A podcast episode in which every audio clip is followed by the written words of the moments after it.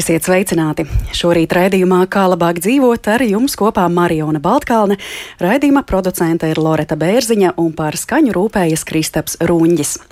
Šīs dienas raidījuma centrā būs viens konkrēts cilvēka orgāns, taču tajā pašā laikā nevar arī teikt, ka tikai un vienīgi šī viena orgāna tūmā mēs paliksim visu raidījuma laiku. Kāpēc? Pavisam vienkārši. Problēmas, kas izceļas vienā punktā, atsaucas arī uz citām organisma daļām. Pēc nedēļas, 28. jūlijā, tiks atzīmēta viena no oficiālajām globālajām sabiedrības veselības kampaņām, ko atzīmē Pasaules veselības organizācija. Proti, līdzās tādām kampaņām kā Pasaules asins donoru diena, Pasaules tuberkulozes diena, Pasaules diena bez tabakas, Pasaules aids diena un vēl citām, šo kampaņu vidū ir arī Pasaules hepatīta diena. 28. jūlijā Pasaules hepatīta diena tiek atzīmēta, jo šis datums ir dzimšanas diena amerikāņu ārstam un zinātniekam Baruham Blumbergam. 1967. gadā viņš atklājis hepatīta B vīrusu, vēlāk attīstīja tā diagnostiku un vakcīnu tātad saslimšanai, bet 1976. gadā kopā ar Karltonu Gaidušeku par saviem sasniegumiem saņēma Nobela prēmiju fizioloģiju bioloģijā vai medicīnā. Pasaules hepatīta diena ir vērsta uz to, lai, protams, veicinātu globālu izpratni par hepatītu un dažādiem tā veidiem, sekmētu profilaksi, diagnostiku un ārstēšanu. Hepatīts tas ir aknu iekaisums, ko nereti mēdz dēvēt arī par dzelteno kaiti, jo ādas un gļotādu dzelte var būt viena no aknu iekaisuma izpausmēm. Hepatītu izraisa vīrusi un ne tikai, un Pasaules veselības organizācijas dati dati liecina, ka ik gadu vairāk nekā vienu miljonu nāves gadījumu pasaulē ir izraisījusi B un C hepatīta infekcija. Bet tātad piebildīšu, ka šie nav vienīgie hepatīta veidi, un tāpat līdz 2030. gadam Pasaules veselības organizācija ir nospraudusi mērķi izskaust C hepatītu kā nopietnu draudu iedzīvotāju veselībai, un šāds mērķis būtu izpildāms arī Latvijai. Bet tad atgriežoties pie pasaules hepatīta dienas, katru gadu tā koncentrējas uz kādu noteiktu tēmu, drīzāk pat saukli, piemēram, hepatīts skar ikvienu un visur, zini to, stājies tam pretim, vai arī tas ir tuvāk nekā tu domā. Tātad šie ir saukļi, kas ir izskanējuši iepriekšējos gados, bet 2023. gadā kā sauklis izmantota frāze Mēs negaidām, jeb angļu valodā We are not waiting. Ko tad mēs negaidām un ko mēs nevaram gaidīt, vai tiešām hepatīts katru no mums var skart un visur, kādi var būt hepatīta veidi, kā tie ietekmē mūsu organismu un galu galā, kā mums sevi pasargāt. Par to mēs šodien plašāk sarunāsimies ar studijas viesiem, viešņām, un ar viņām tad es arī labprāt iepazīstināšu Latvijas infektologu, hepatologu un HIV aids speciālistu asociācijas viceprezidente, profesore, Rīgas austrumu slimnīcas aknu slimību nodaļas vadītāja Ieva Tolmane. Labrīt! Labrīt! Rīgas Stradiņa Universitātes infektoloģijas katedras asociētā profesore un centrālās laboratorijas valdes locekle Jelena Storoženko. Labrīt! Labrīt. Un arī Veselības ministrijas sabiedrības veselības departamenta direktore Jana Feldmane. Labrīt! Labrīt. Pirms mēs runājam par šo lielo globālo kampaņu, pirms mēs eh, preparējam, teiksim, tā daudzus un dažādus hepatītus, šķiet būtu derīgi iedot arī tādu nelielu ievadu par aknām, kas mums it kā taču visiem ir pazīstamas, vai ne? Un tajā pašā laikā mazliet būtu jāprecizē, kādas tad uh, funkcijas uh, aknas veids. Man patika arī Ieva īsu mirkli pirms ētera jūs man jautājāt, bet cik tad aknu cilvēkam ir, ja mēs lietojam šo daudzskaitļa formu. Ir arī dzirdēts salīdzinājums, ka aknas spēlē tādu solo violi, pirmo violi mūsu ķermeņa orķestrī. Jā, tā tad kā tad ir ar tām aknām, cik mums to ir un kādas funkcijas tās veids? Es tad arī ievu uz jums vispirms raugos. Nu, aknas organismā, neskatoties uz to, ka mēs sakām daudz skaitlī aknas, mums ir tikai viena akna, ar viņa sadalīt vairākos segmentos, divās daivās un vairākos segmentos, bet tomēr viņa ir viena. Un tas nozīmē, ja, ja viņa tiek skarta mm, kādas slimības dēļ, mums nav otra, kas, kas var aizvietot, kas var pasargāt, līdzīgi kā varbūt nierēm dažos gadījumos ir, jo nieres mums ir divas. Un par aknām runājot, jūs jau minējāt, kā dēvē aknas. Aknas dēvē arī par, par, par organismu lielāko laboratoriju, jo tās ražo ļoti daudz mums organismam nepieciešamo vielu. Un uh, arī attindē izdala no organisma daudz toksisko vielu. Un līdz ar to arī mēs aknām, ja viņas ir slimas, mēs nevaram pielietot tādas metodas kā, piemēram, nierēm dialīze, kad mēs dializējam pacientu ilgstoši pat gadiem un, un uh, var nu, aizstāt šo nieru funkciju aknu sintēzes funkciju faktiski neviens aparāts nevar aizstāt. Ja, ja, ja aknas ir slimas un neražo mm, olbaltumvielas, ogļhidrātus, žulti, taukus, vitamīnus, uh, fermentus, nu nekas to aizstāt nevar. Un, uh, Un vēl kā dēvē aknas, aknas dēvē par dvēseles mājokli. Ja? Jo, ja aknas ir slimas, tad arī, diemžēl, visi toksīni viņi, viņi plūst pasinī, viņi netiek attindēti, un cilvēkam kļūst grūtāk koncentrēties, kļūt, grūtāk domāt, un parādās encefalopātija, apziņas traucējumi. Un līdz to viņš vairs nav arī darba spējīgs. Eh, tā kā nu, tas ir, es teiktu, protams, kardiologi varētu iebilst, ja, bet eh, es teiktu, ka akmens ir ļoti, ļoti svarīgs orgāns mūsu organismā un, un tikpat svarīgs kā sirds un, un, un kā vispārējie orgāni, orgāni organismā. Ja. Jā, pirmā viole orķestrī, dvēseles mājoklis, atindēšanas laboratorija. Šķiet, ja mēs runājam par šo atindēšanu, tad bieži vien var rasties pārpratumi, kas tagad ļoti daudz virmo arī sociālo mēdīju vidē, ka mums ir speciāli jātaisa detoksija, kaut kā aknai jāpalīdz, bet eh, tas ir nereti tāds pārpratums, jo akna jau dara to, kas tai jādara. Jā, es domāju, ka tas ir ļoti liels pārspīlējums, un cilvēki iet tiešām uz dažādām uh, procedūrām, tur ieskaitot pat tādu šausmīgu, nevajadzīgu lietu kā klizmām un tīrīšanām, un, un tas nav vajadzīgs. Mūsu organisms ir iekārtots tā, ka viņš pats attīra sevi tik, cik tas ir nepieciešams, un, un tādas speciālas kaut kādas eļļu dzeršanas, klizmošanas un, un badošanās, uh, attīrīšanās dēļ tas, uh, tas nav nepieciešams. Organisms attīra sevi sevi pats. Kā, bet, protams, ja aknas ir slimas, tad, eh, tad viņas nepilda savu uzdevumu, bet tad arī mēs neko daudz neizdarīsim ar šīm metodēm. Ja? Nu, ārkārtīgi retos gadījumos mēs nu, teiksim, to pašu klizmu pielietojam ārstnieciskos eh, nolūkos, bet tas jau ir ārstnieciskos nolūkos, nevis vienkārši tur organismu uzlabošanas dēļ. Bet atcerieties, lūdzu, to, ka ja aknas ir veselas, mums visa attīrīšana notiek un nekādas papildu metodas no malas nevajag, izņemot to, ka jādzīvo ir veselīgs dzīvesveids, veselīgs uzturs, sports, um, prieks, um, pozitīvas emocijas, un tas mums visu mūsu organismu attīra un sakārto. Bet, ja aknas uh, attīra asinis, tad kaut kas paliek pāri, šis nevajadzīgais, tie grūži, kur tas viss nonāk? Nu, tas tiek izvadīts no organisma. Un faktiski jau praktiski viss, ko mēs apēdam, uzņemam, arī caur ādu uzsūcās, dažreiz arī ielpojam. Tas praktiski 99% no šīm aktīvām vielām tiek pārstrādāt aknās. Un, un aknas ir tas orgāns, kas sašķeļ, metabolizē un izvada ārā no organisma caur zarnu traktu pārsvarā gadījumu, bet arī dažreiz caur, caur urīnu traktu, caur nierēm.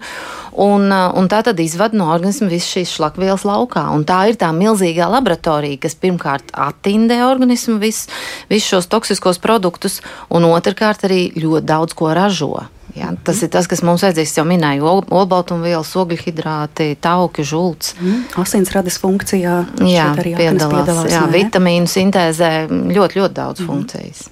Jā, jūs jau Ieva pieminējāt tādu vispār zināmu universālu lietu, kas mums cilvēkiem visiem ir saprotama, ka vajag uh, sportot, rūpēties par savām aknām. Nu, galu galā Hipokrāts jau pirms vairāk nekā diviem tūkstošiem gadu definēja galvenos priekšnoteikumus labai veselībai. Viņš rakstīja, ka ļoti svarīgs ir uzturs, tīrs ūdens, garīgā un fiziskā higiēna, kā arī labs miegs. Nu, šķiet, ka to visu mēs varētu arī attiecināt uz aknu veselību. Bet eh, tālāk es gribētu jautāt, nu, ja ikdienā es jūtos labi, man nekas nesāp, vai tomēr vajadzētu tādos profilaktiskos nolūkos doties, piemēram, pie aknu? Aknu ārsta, ja hepatologa, vai varbūt doties speciāli uz laboratoriju, uz asins analīzēm, lai pārbaudītu, kā tur ar aknām ir. Liekas, ka daudzi cilvēki, kuri ir veikuši asins analīzes, zina, ka tur parādās tādi rādītāji kā bilirubīns un biliverdīns, ja, kas mums kaut ko stāsta par aknām. Jelena, kā ir? Profesora Tolmane ļoti labi izstāstīja par aknas funkcijām. Gribēju vēl pateikt, ka daba ir devusi aknām ļoti lielu izturību, ļoti lielas regenerācijas spējas vai arī atjaunošanas spējas. Tas ir tāpēc, ka aknām vajadzētu atindēt tiešām viss, kas tiek sintēzēts, viss svarīgas lietas, olbaltumi, hormoni un tā tālāk. Viņam tālāk ir toksiskie produkti, ar kuriem tiek galā aknas. Un līdz ar to aknas ir tā kā, viņus vēl sauc par tā kā darba zirdziņš, ja? Viņi ļoti uh, daudz strādā gan sintēzē, gan arī izvada tos visus produktus. Un uh, pietiekoši ilgstoši cilvēks tiešām, nu, aknas nesāp, viņi neko nejūt. Bet uh, tomēr uh, nāk tas moments, kad notiek kaut kādi uh, procesi, piemēram, uh, aknu šūnu bojājumi vai kaut kas cits. Un, protams, tad jau nu, tā kā varētu teikt, ka vajadzētu nekavēties griezties pie ārsta, jā, ja ir atbilstoša simptomātika. Tāpēc, principā, rekomendē mm, tomēr profilaktiskos apstākļus, nu, pro, profilaktiskos praktiskus nolūkos dēļ eh, veikt arī eh, eh, aknu rādītāju noteikšanu. Viena no tiem varētu būt, ka visvairāk atspoguļo aknu darbību, tas ir alata. Tas ir tas ferments, eh, alats, eh, viņš atšifrējums ir uh, alanīna aminotransferāze, uh, jo viņš visvairāk tiek sintēzēts tieši hepatocītos, aknu šūnas. Un ja kaut kāds ir noticis, uh, piemēram, mm, bojājums hepatocītos kaut kādu iemeslu dēļ, nu, piemēram, visbiežāk uh, uh, vīrusu dēļ, jā, vai, vai citu iemeslu dēļ, tad notiek tāds uh, aknu šūnu bojājums, un uh, šis ferments lielā daudzumā iziet asinīs, un līdz ar to laboratoriskos apstākļos to var pārbaudīt. Vēl ir citi tās augtie tādi nespecifiskie laboratoriskie rādītāji, pie tiem arī pieder, piemēram, arī alat, arī varētu būt uh, gama glutamīna transferāze, dažādi citi. Viņus vēl sauc par nespecifiskiem, jo viņiem mainās ne tikai uh, aknu slimību gadījumos. Jā. Piemēram, uh, asats viņš varētu būt arī miokārdu bojājumu gadījums vai kādos citos. Jā, līdz ar to tos vēl sauc par tādiem nespecifiskiem. Ja mēs uh, runājam tieši par tādiem specifiskiem rādītājiem, tie būtu tiešām vai nu vīrusu daļu noteikšana, piemēram, antigēns vai RNS, vai antivielu noteikšana, kur veidojas kā atbildes reakcija, ja ir iekļūts cilvēka organismā vīrus. Nu, piemēram, C hepatīta vīrusu, tad mēs nosakām kā pirmo testu antivīlas pret C hepatītu vīrusu, anti-HCV. Ja mums ir, mēs runājam par B hepatītu, tā kā tāds pirmais tests, tas būs HBS antigēns. Antigēnu nosakam vesela virkne vēl citu, jā, dažādu testu ir.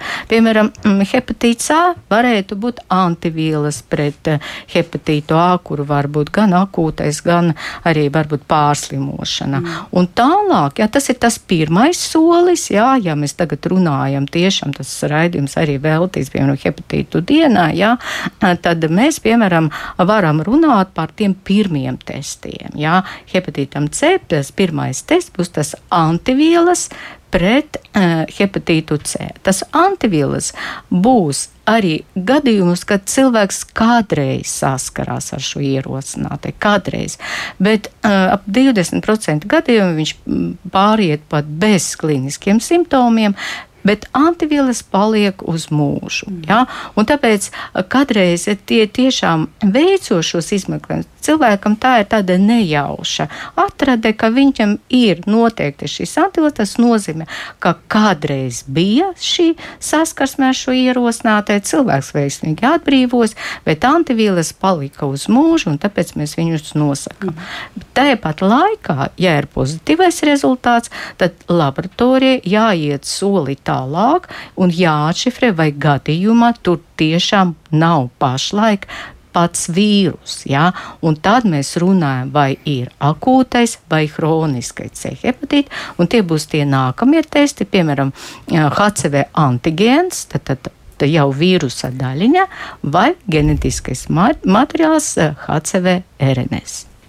Tātad rādītāju ir daudz, kuri kaut ko pastāsta par aknu veselību, un no vienas puses priekšrocība, no otras puses trūkums, ka mēs ikdienā tādas aknu sāpes nejūtam, ja? bet tomēr pārbaudīties ik pa laikam būtu derīgi. Jo, kā jau jūs minējāt, tas var iedot tādu tālāku ķēdīti un sapratni par to, kas ar cilvēku organismu vai nu jau ir noticis, vai notiek pašlaik. Jā, līdz ar to jūs arī esat mūs jau ievadījusi tajā galvenajā notikumā, kas tiks atzīmēts pēc nedēļas pasaulē, tātad Pasaules hepatīta diena, un es jau pieminēju šo kampaņas saukli visā pasaulē, kas būs saistīta ar šo dienu. Mēs negaidām. Nu, kas tad ir tas, ko mēs nevaram gaidīt? Testēšanos, par kuru jūs tikko stāstījāt, vai tas ir krietni plašāk? Skatos arī uz Janu. Jā, es gribētu teikt, ka tas ir plašāk, jo nu, kā jau mēs minējām, tad viens no biežākajiem faktoriem, kas izraisa hepatītā, ir infekcijas slimība. Un, eh, kā mēs zinām, infekcijas arī ir nu, pietiekami viegli novērst, ir pietiekami efektīvi profilaks pasākumi, lai mēs nesaslimtu, lai neinficētos. Un līdz ar to šeit jāskatās ir plašāk. Pirmais ir jau uh, veikt pasākumus, lai neinficētos. Un, eh, šos eh, hepatītu izraisošos vīrusus, nu, par ko mēs šodien runājam, mēs eh, iegūstam saskaroties ar inficētām cilvēku asinīm. Tad cilvēks cilvēkam nodod ar asinīm, līdz ar to arī ir nu, ļoti jāpiedomā, ja cilvēks veids kaut kādas, piemēram, procedūras, kur ir iespējams šī saskara ar asinīm, tad nu, šie riski ir jāizvērtē. Un, eh, jāsaka tā, ka hepatīta gadījumā arī eh, nu, tā inficēšanās var notikt diezgan viegli, jo ir, eh, nu, tas var notikt ar ļoti nelielu asiņu daudzumu. Un tādēļ arī nereti mēs runājam piemēram, par tādām arī tā skaitā invazīvām skaistumkopšanas procedūrām, kur varbūt Latvija arī nu, nevienmēr mūsu cilvēki nu, pietiekami izvērtē šos riskus. Un tādēļ pirmais arī, kur gribu aicināt, kad nu, tomēr vienmēr nevis skatīties uz cenu, izvēloties pakalpojumus, kas ietekmē veselību. Eh, bet tomēr nu, izvērtēt šo profesionālismu, lai šis pakalpojumu eh, sniedzējs saprot, ko dara un neradītu riskus. Un, protams, ka šis otrs aspekts ir um, saulaicīga šī inficēšanās atklāšana, jo, jo agrāk mēs atklājam infekciju, jo tā tad ātrāk tiek uzsākta ārstēšana. Un ārstēšana ir no vienas puses, protams, nu, cilvēkam nerodas smaga slimības gaita. Cilvēks ļoti vieglā veidā, kas šobrīd no 2016. gada ir pieejams, ļoti vieglā veidā var atbrīvoties no vīrusa eh, bez jebkādām veselības problēmām. Bet arī uh, nu, kā jau minēju, tā ir infekcijas slimība, un inficēts cilvēks arī šo infekciju var nodot tālāk.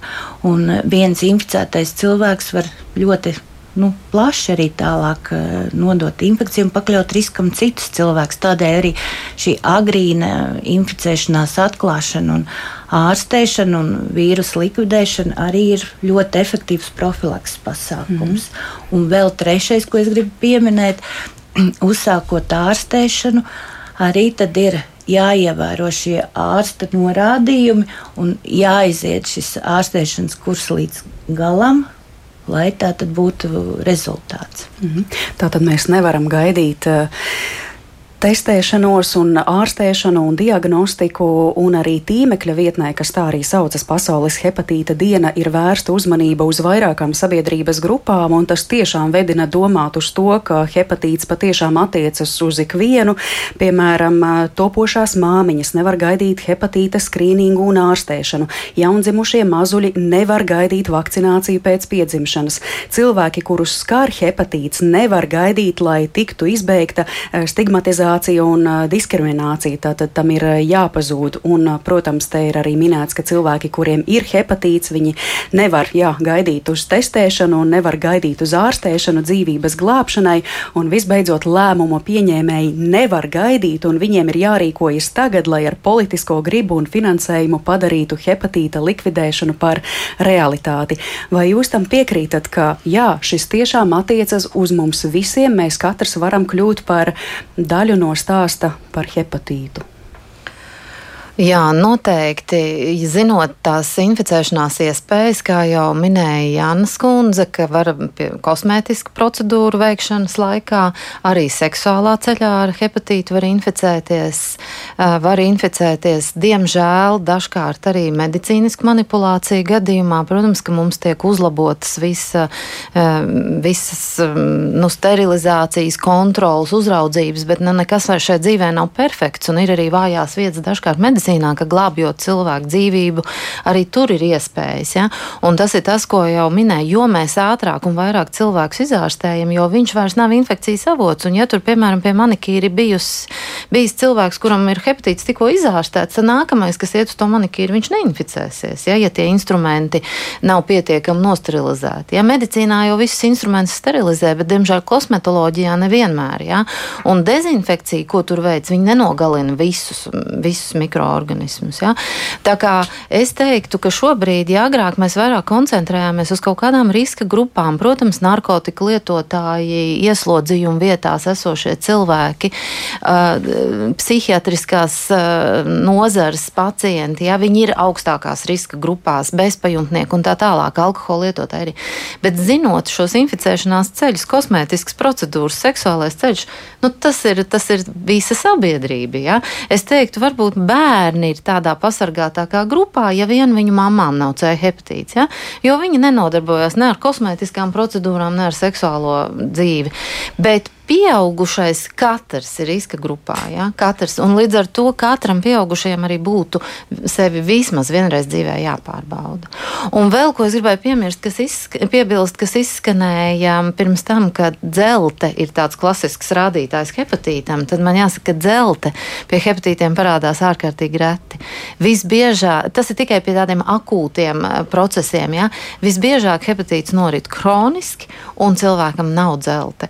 Un viņš vispār vispār nav sūdzību. Kā jau minēju, aknas nesāp, un cilvēks vispār nezina, ka viņam ir kāda aknu problēma. Ja? Mm. Tāpēc eh, reizi gadā aiziet pie ģimenes ārsta, lai pārbaudītu klasiskās analīzes, ieskaitot alata rādītāju. Eh, tāpat, ja nekad nav pārbaudīts C hepatīts vai B hepatīts, tie ir jāpārbauda. Ja? Un, un savai veselībai jāsako līdzi. Arī ultrasonogrāfija var parādīt, eh, vai aknās ir kādas izmaiņas vai nav. Tā kā tie ir tie izmeklējumi, kas laiku pa laikam būtu jāpārbauda. Un, protams, pirmais cilvēks, pie kā vērsties, tas ir ģimenes ārsts. Jā. Jā. Mums ir arī diezgan daudz klausītāju jautājumi parādījušies tieši saistībā kopumā ar aknu veselību un par dažādiem rādītājiem, kas varētu kaut ko liecināt par um, kādām aizdomīgām parādībām, vai ar aknām viss ir labi vai nav. Nu, piemēram, vai kādu aizdomīgu dzimumzīmīšu pastiprināta parādīšanās uz ķermeņa varētu būt saistīta ar aknu veselību, un, piemēram, vai arī treknas aknas, ko vispār nozīmē treknas aknas, kā no tā izbēgt, un vai, piemēram, arī treknas aknas tad varētu kaut ko liecināt par par hepatīta iestāšanos. Uh, jā, Kāds ir jūsu komentārs par šo? Nu, dzimumzīmes, klasiskās dzimumzīmes neparādās aknu slimības uh, dēļ, ja? bet ir, ir dažas pazīmes, ir tādas saucamās aknu zvaigznītes.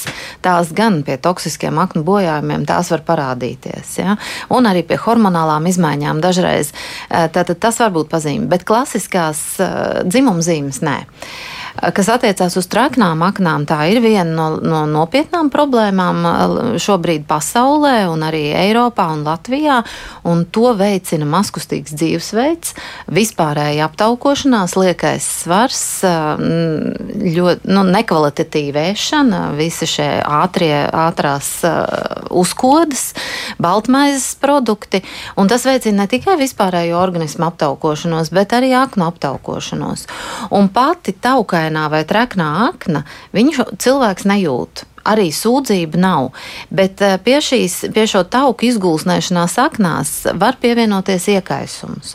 Un, ja tur pievienojās iekaisums, jebkurš kronisks iekaisums organismā ar laiku rada ļoti nopietnas problēmas. Tā skaitā aknu iekaisums. Un kronisks eh, aknu iekaisums rada saistaudu izgulsnēšanos, un lēnām pakāpeniski tas var novest līdz aknu cirozei. Aknu ciroze jau ir neatgriezenisks process, kad aknu šūnu vietā aknās ieaug saistāvda draudi, un aknas vairs nespēja pildīt šīs savas funkcijas, par ko mēs iepriekš runājām. Nespēja ražot žulti, obaltumvielas, ogļhidrāts, nespēja attindēt organismu. Un, eh, un tas nove, var novest pie aknu cirozes. Un tad jau cilvēkam faktiski tā ir eh, tāda, varbūt arī dzīvībai bīstamas situācijas. Var parādīties asiņošanas, eh, šķidrumu krāšanās organismā. Un vēl aknu ciroze ir, ir risks aknu vēzim, jo mm, aknu vēzis visbiežāk attīstās uz cirozes fona. Ja? Tā kā ļoti, ļoti svarīgi ir šīs aknu slimības atklāt agrīni, kamēr vēl nav izveidojusies saistauda aknu ciroze sklerozi un aknu vēzis, jo tās ir lietas, ar kurām ļoti grūti cīnīties un, un, un bieži vien pat neiespējami. Ja? Tā kā ir ārkārtīgi svarīgi atklāt gan hepatītus, C hepatītu mēs varam veiksmīgi izārstēt, B hepatītam mums ir vakcinācija un arī ārstēšana. Uh, taukainas aknas uh, veidojās dēļ uh, liela svara, bet otrs iemesls ir arī alkohola lietošana, kas veicina tauku, tauku uzkrāšanos aknās un arī var novest līdz cirozei. Tātad tur ir svarīga dzīvesveida maiņa. Un, un mums vispār jāatzīst, ka Latvijā mums ir cilvēkiem, manuprāt, ļoti maza izpratne par, par veselīgu dzīvesveidu, par sevis mīlēšanu, par rūpēšanos par sevi, lai mēs eh, sevi uzturētu formā. Tas, ko mēs redzam slimnīcā, ka nonāk slimnieks, ir tik daudz, kas smēķē, kas lieto alkoholu, kas nesalabo zobus, kam ir liekais svars, kas nenodarbojas ar sportu. Un, un tas ir žēl, jo, jo cilvēki brauc uz slimnīcu ar kaut kādu problēmu, viņi lūdz palīdzību, bet viņi nav izdarījuši savu mājas darbu. Viņi nav sevi, par sevi rūpējušies. Es pat reizēm saku, jūs nemīlat sevi. Viņš jau kā nemīlu, es taču sevi mīlu. Bet kā tad mēs sevi mīlam? Ja mēs sevi mīlam, mums par savu organismu ir jārūpējas, jāstāv sardzē, mēs viņam nedrīkstam kaitēt. Mēs, un aknām tas ir vispār visbūtiskākais - nekaitēt. Mm -hmm par sevis mīlēšanu un noteikti arī par hepatītu dažādiem veidiem un par to, kā tos atklāt un ārstēt, mēs sarunu turpināsim arī raidījumā otrajā daļā, bet tagad dosimies nelielā atpūtas pauzē un, protams, klausītāji jūsu jautājumus gaidīsim arī vēlāk. Kā labāk dzīvot? Mēs esam atpakaļ kā labāk dzīvot studijā un turpinām sarunu ar Ievu Tolmani, Jeļenu Storoženko un Janu Feldmani, ņemot vērā, ka 28. jūlijā tiek atzīmēta Pasaules hepatīta diena. Mēs pirms muzikālās pauzes jau šo hepatīta stāstu iezīmējām studijas viesņas minēja, ka tā ir infekcijas slimība, ka tur ir nozīme vīrusiem, arī citām procedūrām, piemēram, kādiem eh, varbūt nesanitāriem manikīriem un arī seksuāli transmisīvā infekcija. Es domāju, ka tagad ir īstais brīdis, lai to visu tā vēlreiz saliktu pa plauktiņiem, jo es te pieminēju vīrusu hepatīts B un C šajā burtu virknējumu rindiņā, droši vien var vēl citus hepatītus minēt. Tad, nu, saliekam jā, to visu kārtīgi, cik to hepatītu dažādu ir, kas to izraisa un kā no tā pasargāties. Teiksim, kam ir vakcīna, kam nav vakcīna. Jā, Jelena, uz jums raugos. Uh, nu, vispirms vajadzētu pateikt, ir hepatīts A. Jā, tad, tad pret hepatītu A mēs varētu noteikt antivielas lielāko daļu, arī var uh, to vīrusu genetisko materiālu noteikt. Uh, ir hepatīts B, Jā, kā, kā, kā jau minējām, tas ir HBS antigēns, un, protams, jā, ir tā tālāka testēšana, bet e, pret šiem diviem ir vakcīna pieejama.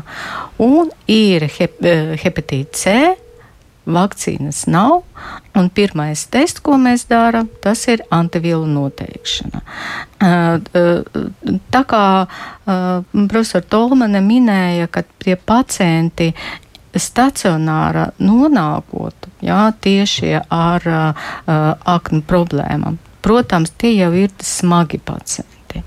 Un dažreiz notiek jau tādas neatgriezeniskas izmaiņas aknās, piemēram, aknu fibrozi, ja, kad nu, tiešām ir, ir ļoti eh, grūti ārstēt. Līdz ar to eh, vajadzētu vienmēr atcerēties par to ambulatoru etapu, kad cilvēks var atnākt pie ģimenes ārsta Un tiešām ģimenes ārsts viņam nozīmēs to pašu alatu, kur daudz ko var pateikt. Ja ir alats ir paaugstināts, tad varētu skatīties tālāk. Tāpat tās arī veikt, nu, varbūt tiešām ir riski ir lieli, un tie nav tikai na narkotiku lietotāji, tā ir pilnīgi visa populācija. Tas ir ik viens no mums, kurš apmeklē, um, veids kaut kādas ārstnieciskas procedūras vai, vai kaut kādas uh, citas, jā.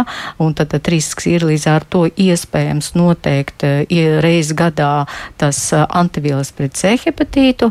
Varētu būt, mēs ar to varam sevi nu, īstenībā pasargāt. Ir pozitīvs, jā, tad mēs tālāk to uzsāksim to ārstēšanu. Jā, tie tiešām, jo tā viņi ir ļoti, ļoti efektīva. Līdz ar to mans aicinājums būtu mm, pievērst tiešām uh, uzmanību savai veselībai jau agrīnajā fāzē, jau agrīnē, kad jau pašā sākumā varētu kaut ko darīt. Varbūt veicot to mm, skrīninga izmeklēšanu, veicot tālāku neapstiprināsies vīrusu hepatīts, būs kaut kāda cita problēma. Ja? Jo tomēr jāseko tiem rādītājiem, ja? tad, tad tas nozīmē, ka kaut kas uh, organismā notiek. Iespējams, vajadzētu tikai novērot, jā, no sākuma paskatīties, jā, varbūt ievērot diētu un tad, normalizēsiet, un varbūt tālāka izmeklēšana ir nepieciešama. Tad uh, es laboju pati sevi un droši vien arī tīmekļa resursi reizēm var būt mānīgi, ka to hepatītu ir vēl vairāk un ka tur Va, D ir, ir, jā, jā, ir hepatīts D, tie ir tie re, reti, jā, tie, tie ir hepatīts D, ir diagnostika pret hepatītu D, ir arī hepatīts E, kur lielāko daļu viņi tie ir ievesti gadījumi, viņš ir ļoti līdzīgs uh, hepatītam A. Jā. Nu, lielāko daļu tie, tie ir, mēs runājam par A, B un C. -hmm. Un pārējo diagnostikas laika daži ir kā satelīti, jā, kā koinfekcija, piemēram, hepatītam B varētu būt. Jā. Tad tas jau ir diagnostikas laika, to varētu noskaidrot. Bet lielāku daļu tas skrīnings, viņš aiziet uz uh, A hepatītu, B hepatītu un C hepatītu. Un, ja gadījumi visi tie testi ir negatīvi, tālāk, protams, var tālāk izmeklēt, jo laboratoriskas iespējas ir ļoti labas, jā, tad, un to tomēr ir aizdomas par vīrusu hepatītu, tad, protams, tiek izmeklēti arī tie pārējie uh, vīrusu hepatīti. Mm -hmm. Tātad pret A hepatītu, ko šķiet arī tautā dēvē par netīro roku slimību, ja, un B hepatītu vakcīna ir, mm -hmm. pret C hepatītu ne, bet es gribētu jautāt, kas vispār um, attiecībā pret vakcīnām, attiecībā pret uh, testēšanos ir valsts apmaksāts, kas ir valsts kompensēts, kas cilvēkam pašam jāsamaksā. Jāna, jums vārds. Jā, nu, varbūt sāksim ar profilaks, ar vakcīnām. Un, nu, tā efektīvākā vakcīna ir pieejama pret B hepatītu. Un šobrīd valsts apmaksā jaundzimušajiem. Mm, tātad nu, bērniem jā, šāda iespēja ir. Mēs redzam arī, ka šī um, vakcīna ir ļoti efektīva un pateicoties arī vakcinācijai pret B hepatītu, kas jau ir uzsākta daudz gadus atpakaļ, tad arī šī infekcija nu, ievērojami ir samazinājusies Latvijā. Um, papildus tam jau, kā mēs minējām, arī šī diagnostikas iespējas, tad uh, ar ģimenes ārsta nosūtījumu arī tad, uh, valsts apmaksā uh, gan šos te aknu testus, gan arī jau specifisks um, izmeklējums jau konkrēti uh, vīrusu noteikšanai. Uh, un uh, tālāk jau arī, tad, uh, ja jau ir nepieciešams padziļināt izmeklējumu, tad arī vai no ar ģimenes ārsta vai arī ar speciālistu nosūtījumu, tad arī šie izmeklējumi tiek apmaksāti. Un tālāk jau gribu pieminēt arī ārstēšanas iespējas, un, kā jau es minēju, no 2016. gada mums ir pieejama ļoti efektīvi ārstēšanas līdzekļi, ko arī valsts pilnībā apmaksā visam ārstēšanas kursam. Un šim laikam ejot, arī šī ārstēšana ir ievērojami uzlabojusies šīs iespējas. Jau sākotnēji tas bija, ja nemaldos, pusgads, tad šobrīd jau divu mēnešu laikā cilvēks var atbrīvoties bez jebkādām blakus parādībām, ārstēšanas efektivitāte ir pat nu, gandrīz 100%, nu, 98%. Apmēram procenti šī efektivitāte ir un, un cilvēks ir. Nu, vismaz atbrīvojies no vīrusa, ja, ja nevienmēr varbūt eh, tiek pilnībā atjaunot šī aknas eh, veselība.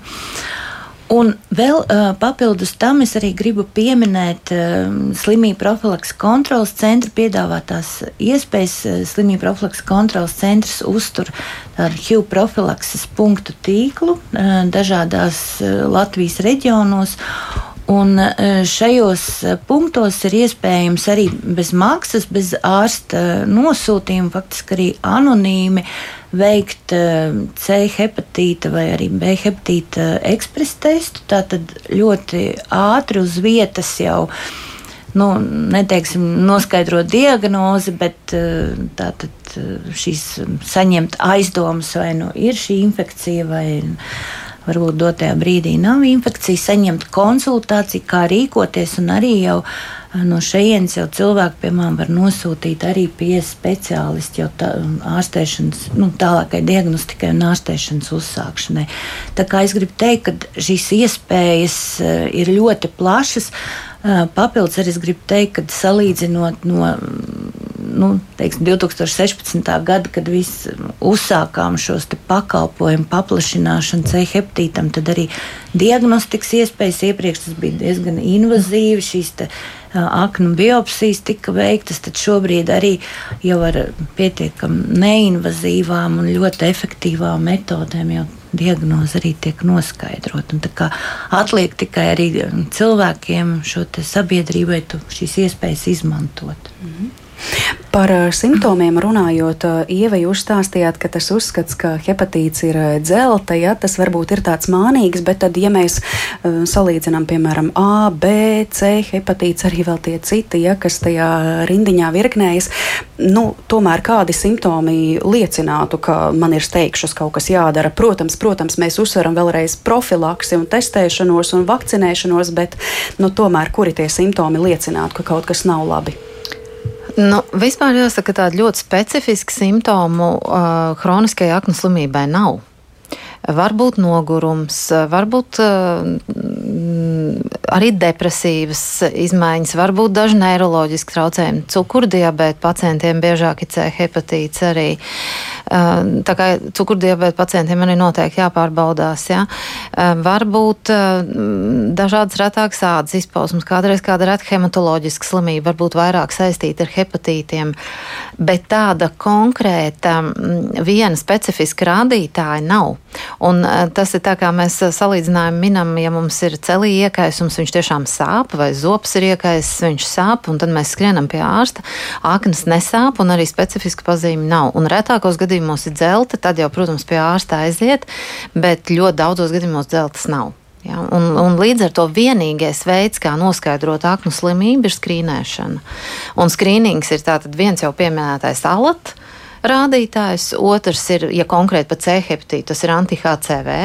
Un te jau pieminēja, ka ir šie HIV profilakses punkti, kuros var iet anonīmi un bez maksas noteikti.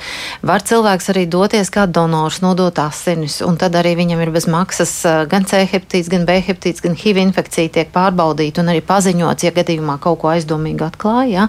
Tad būs labais darbs izdarīts un arī pats pārbaudījies.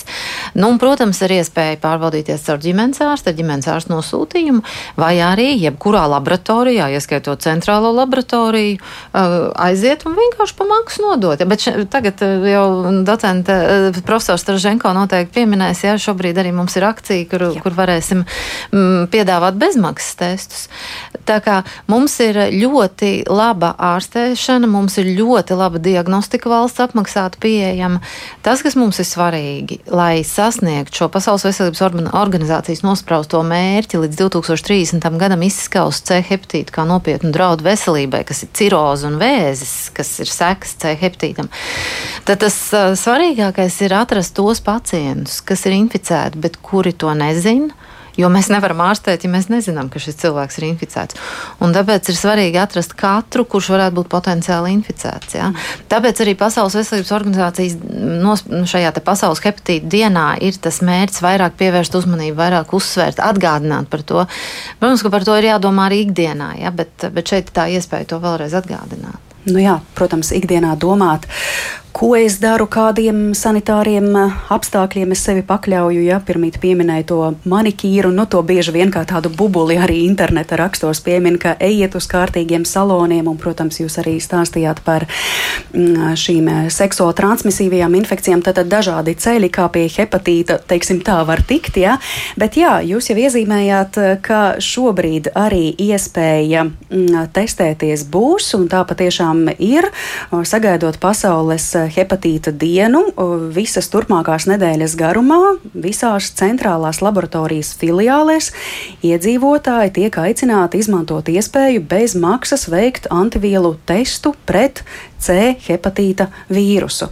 Jelena, es jums ļaušu šo stāstu paturpināt, vai tur ir kaut kā jāpiesakās un ko darīt? Tieši tā, mēs negaidām zem tās devīzes. Mēs arī organizējam šo akciju, jo, diemžēl, Latvijā nu, statistika ir ļoti nežēlīga lieta, un Latvijā izplatība ir augsta.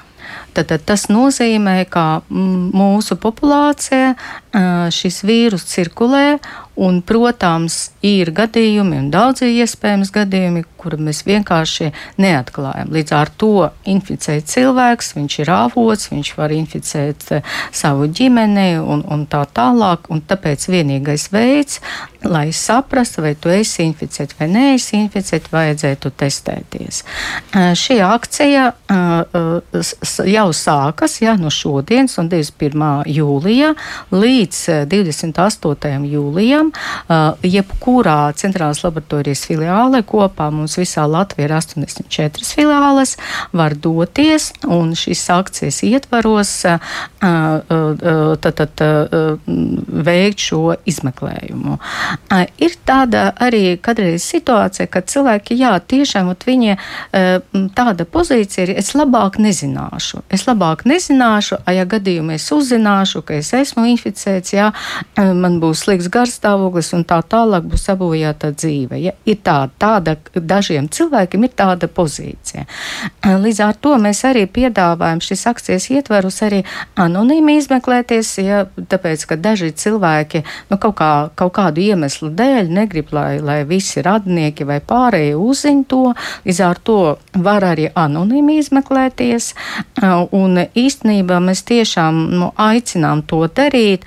Šīs akcijas ietvaros, protams, jā, arī pēc tam, ja ir tādas vēlēšanas, ar ārsta, ģimenes ārsta nosūtījumu vai bez ģimenes ārsta nosūtījuma, jo tomēr tas, nu, uz, uzzināsiet un varbūt atviegloti uzelposiet, jā, bet, ja būs pozitīvs, tad jūs zināsiet, ka ir iespēja e, izārstēties un atbrīvoties no šī vīrusa, jo ir pilnīgi valsts apmaksāta ārstēšana un ļoti, ļoti efektīva. Un ir kādi, kuriem būtu īpaši varbūt jāpārbaudās? Kādas riska grupas? Nu, skaidrs, ka narkotika lietotāji ir vislielākā riska grupa, un tāpēc dažreiz varbūt tas ir tāds mīts, es jau narkotikas nelietoju, tad man nav jāpārbaudās. Ja? Vai neesmu bijis cietumā, neesmu bijis ieslodzījumā, tad man nav jāpārbaudās. Bet šobrīd mēs redzam, ka tas, protams, ir lielākā riska grupa, bet jebkurš Latvijas pieaugušais iedzīvotājs ir riska grupā, ņemot vērā inficēšanās iespējamos ceļus, sadzīves dažādas kosmētikas procedūras, medicīniskas, stomatoloģiskas procedūras, seksuālais ceļš, tetovējumi, pīrsingi. Un to, nu, kurš var pateikt, ka viņam nekas no tā viss nav bijis. Un, ja kaut reiz dzīvē kaut kas no tā ir bijis, tad potenciāli šis cilvēks ir riska grupā. Tāpēc, jebkurš, kurš nekad dzīvē nav pārbaudījies uz C hepatītu, šo anti-HCV testu ir nepieciešams veikt. To vajag darīt tūlīt, tāpēc, ka mums ir pieejama laba diagnostika un laba ārstēšana. Un tuvojoties pasaules hepatīta dienai, arī Austrumu slimnīcas Latvijas infektoloģijas centrā nākamajā nedēļā darbdienās no 24. līdz 28. sākot no 2010. mēs arī piedāvāsim bezmaksas testēšanu uz C hepatītu un arī uz aknu blīvumu mērīšanu vai fibroskanēšanu, kas neparāda pašu C hepatītu, bet kas parāda, ka aknās ir šo aiztaudu vairāk, ja tas blīvums ir paaugstināts. Bet tur gan ir jāpierakstās pa telefonu, tāpēc ka tas aizņem kaut kādu laiciņu, tā aknu blīvuma mērīšana. Un tātad telefons, pa kuru var pierakstīties darbdienās darba laikā, ir 6701, 738. Un tie, kas būs pierakstījušies, mēs tātad arī bez nosūtījuma, bez maksas veiksim šos divus izmeklējumus - aknu blīvuma mērīšanu un testēšanu reaģēšanu uz C hepatīta antivielām. Mm. Bet tā tad atgādinām, ka no 21. jūlija, tas ir no šodienas līdz 28. jūlijam, Pasaules hepatīta dienai, centrālā laboratorija tā ir tā vieta, filiālis, uz kurieni var doties un bez maksas veikt antivielu testu pret C hepatīta vīrusu. Un atceramies, ja arī tas hepatīts apstiprināsies, tad ir efektīva un valsts apmaksāta ārstēšana. Um, Raidījuma noslēgumā es vēl gribētu pajautāt, mēs sākām šo stāstu ar tādu kopējo ievadu aknu veselībā, un mums arī ir ļoti daudz klausītāju jautājumi par kafijas lietošanu, par alkohola lietošanu, par sviestu, biespienu un tā tālāk. Nu, cik tas ir aknām labs vai nevēlams, varbūt kafija palīdz pret eh, cirozi, un ja nu galu galā ir tās traknās aknas, ko darīt? Tāds varbūt kopsavilkums no jūsu puses. Nu, uh, kafija ir laba aknām. To es uzreiz varu pateikt. Ir pat pētījumi, ka, ja, ja dienā izdzer trīs, vismaz trīs kafijas tasītes, tas var mazināt fibrozi aknās, jo kafijā ir tādas aktīvas vielas, kas nomāc tādu saucamo zvaigžņu veidu šūnu aktivitāti, un tās tās šūnas, kas šos saistautus ražo aknās. Bet lūdzu, nebūsim naivi un nedomāsim, ka varam dzert alkoholu pārmēru un, un papildināt papildus kafiju, kafija nav antidots alkoholam. Ja? Un vispār nekas nav antidots alkoholam. Ja? Tā kā alkohola tāda mm, nu, nav pierādīta. Ja agrāk sauca kaut kādus alkohola daudzumus, kurš tad ir pieļaujami vīriešiem, sievietēm, tad šobrīd ir skaidrs, ka nav viens drošais alkohola daudzums. Mums ir ļoti dažādi organismi un dažādi reaģē. Līdz ar to alkoholu nedrīkst lietot pārmērīgi. Protams, ja mēs reiz mēnesī glāzi vīnu izdzersim vai, vai, vai pudelīti alu tur līgo svētkos, nekas traks nenotiks. Bet nedrīkst lietot alkoholu regulāri, nedrīkst lietot pār mēru, jo nav neviena antidota. Un arī mēs nejutīsim, ka tās aknas tiek bojātas un ka tauku uzkrājās un ka ciroze veidojās. Un, un tad nonāk pie ārsta un saka, doktor, bet es taču nedzeru tik daudz, man kaimiņš dzer trīsreiz vairāk, kāpēc man ir šī tāda ciroze ar asiņošanām, ar šķidrumu krāšanos. Un, un tas jau faktiski dzīvībai jau tāds bīstams stāvoklis. Ja? Tā kā regularitāte ir viss, viss sliktākā, ja? un arī pārmērīga dzeršana ir vissliktākā. Un ko darīt ar taukiem aknās? Jūs jautājāt, tā tad tā ir dzīvesveida maiņa. Ja tas ir alkohols, kas rada taukos, tad ir jāpārtrauc lietot alkoholu. Ja tas ir liekais svars, tas ir eh, ģenētiski arī predisponēts, bet mēs ģenētiku izmainīt nevaram. Tas, ko mēs varam izmainīt, mēs varam kustēties vairāk, mēs varam ēst veselīgāk. Ir tā saucamā vidusjūras diēta, ko kardiologi reklamē, bet viņa ir arī ļoti laba aknu veselībai. Un, un, un, un līdz ar to pieturēties. Un nav jau mums jābūt arī perfektiem. Mēs drīkstam kādreiz kādu kūku apēst vai kaut ko neveselīgu. Bet, ja mēs raugamies uz ikdienas maltīti, ko mēs izvēlamies, tad būtu ļoti svarīgi tomēr um, pamazām atteikties no tām neveselīgajām vielām, no krējumiem, no majonēzēm, no trakniem uh, produktiem, no pārmērīgiem saldumiem, no visiem saldiem burbuļūdeņiem, burbuļdzērieniem. Es varu pateikt, ka es tādus nedzeru vispār, piemēram. Ja? Tā kā pamazām mainīt uh, savu attieksmi un, un ēst veselīgāk un kustēties. Mm -hmm. Un, ja nu nepieciešams doties pie speciālistiem un mazāk lasīt tīmekļa resursus, es saku paldies par šīs dienas sarunu viešņām, un tās bija Latvijas infektologu, hepatologu un HIV aids speciālistu asociācijas viceprezidente, profesore Rīgas Austrumu slimnīcas aknu slimību nodaļas vadītāja Ieva Tolmane, Rīgas Stradiņa Universitātes infektoloģijas katedras asociētā profesore un centrālās laboratorijas valdes locekle Jelena Storoženko un Veselības ministrijas sabiedrības veselības departamenta direktore Jana Feldmane. Paldies, klausītāji, ka jūs pavadījāt šo stundu kopā ar raidījumu Kā labāk dzīvot. Par to rūpējās Loreta Bērziņa, producenta pie skaņa pūts bija Kristaps Runģis un ar jums Mariona Baltkalne. Bet pirmdien pievienojieties raidījumam, kur būs stāsts par svētā jēkaba 562 km garu ceļa maršrutu. Saudzējiet savas saknes un patīkamu dienu. Visu labu!